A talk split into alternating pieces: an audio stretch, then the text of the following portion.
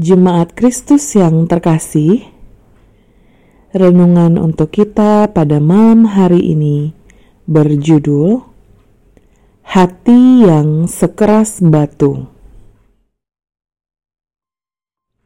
Dan bacaan firman Tuhan diambil dari kitab Kisah Para Rasul, pasalnya yang ketujuh, ayat 39 sampai dengan ayat 45.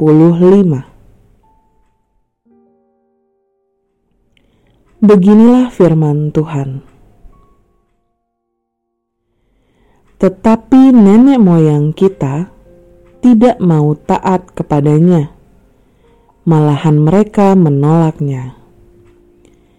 Dalam hati mereka ingin kembali ke tanah Mesir kepada Harun mereka berkata, "Buatlah untuk kami beberapa Allah yang akan berjalan di depan kami, sebab Musa ini yang telah memimpin kami keluar dari tanah Mesir."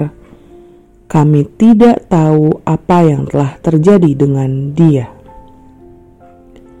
Lalu, pada waktu itu, mereka membuat sebuah anak lembu dan mempersembahkan persembahan kepada berhala itu, dan mereka bersuka cita tentang apa yang dibuat sendiri oleh mereka. Maka berpalinglah Allah dari mereka dan membiarkan mereka beribadah kepada bala tentara langit, seperti yang tertulis dalam kitab nabi-nabi. Apakah kamu mempersembahkan kepadaku korban sembelihan dan persembahan selama empat puluh tahun di padang gurun itu, hai kaum Israel? Tidak pernah. Malahan kamu mengusung kemah Molok dan bintang dewa Revan. Patung-patung yang kamu buat itu untuk disembah.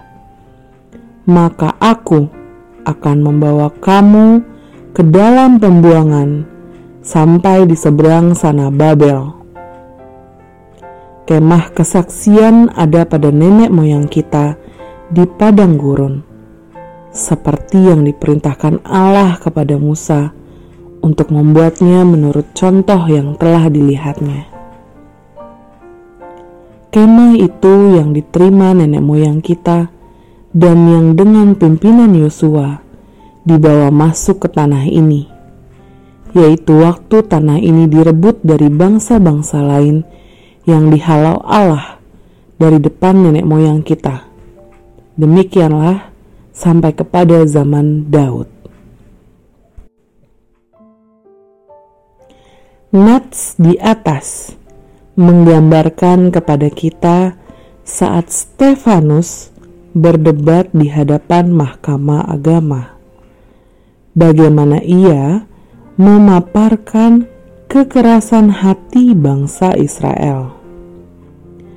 Bangsa ini telah diselamatkan oleh Allah melalui kepemimpinan Musa, tetapi mereka justru menolak Allah dan membuat ilah-ilah lain di mana secara terang-terangan mereka menolak Allah.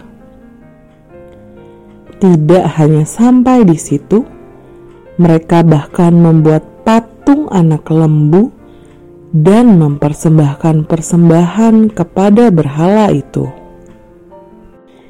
Jika kita membaca pada ayat 42, di sana tertulis bahwa Allah berpaling dari mereka dan bahkan membiarkan mereka beribadah kepada bala tentara langit. Karena begitu besar kekecewaan Allah, ia bahkan bertanya pada kaum Israel, apakah mereka mempersembahkan sembelihan dan persembahan selama 40 tahun di padang gurun? Ayat ini menunjukkan bahwa Allah telah memberikan banyak permakluman terhadap bangsa ini. Karena kasihnya yang begitu besar, ia telah membebaskan bangsa ini dari perbudakan, bahkan tidak menagih persembahan apa pun selama 40 tahun ketika mereka di padang gurun. Namun, Israel karena hatinya yang begitu keras, akhirnya membangkitkan murka Allah dan akhirnya Allah menghukum mereka ke pembuangan di Babel. Di tanah pembuangan, Tuhan mendidik mereka untuk memahami kasihnya dan kebenaran Allah agar dengan demikian umat tidak lagi mengeraskan hatinya. Apakah ada di antara kita yang mengeraskan hati dan begitu sulit menerima didikan Tuhan, entah melalui siapa pun yang dikirimkan Allah ke dalam hidup kita.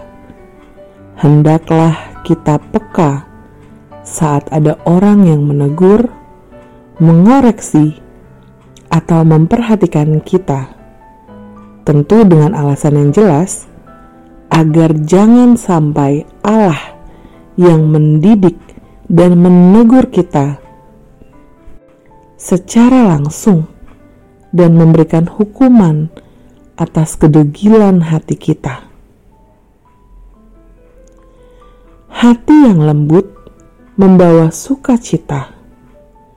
Hati yang keras membawa kesengsaraan. Demikianlah renungan pada malam hari ini.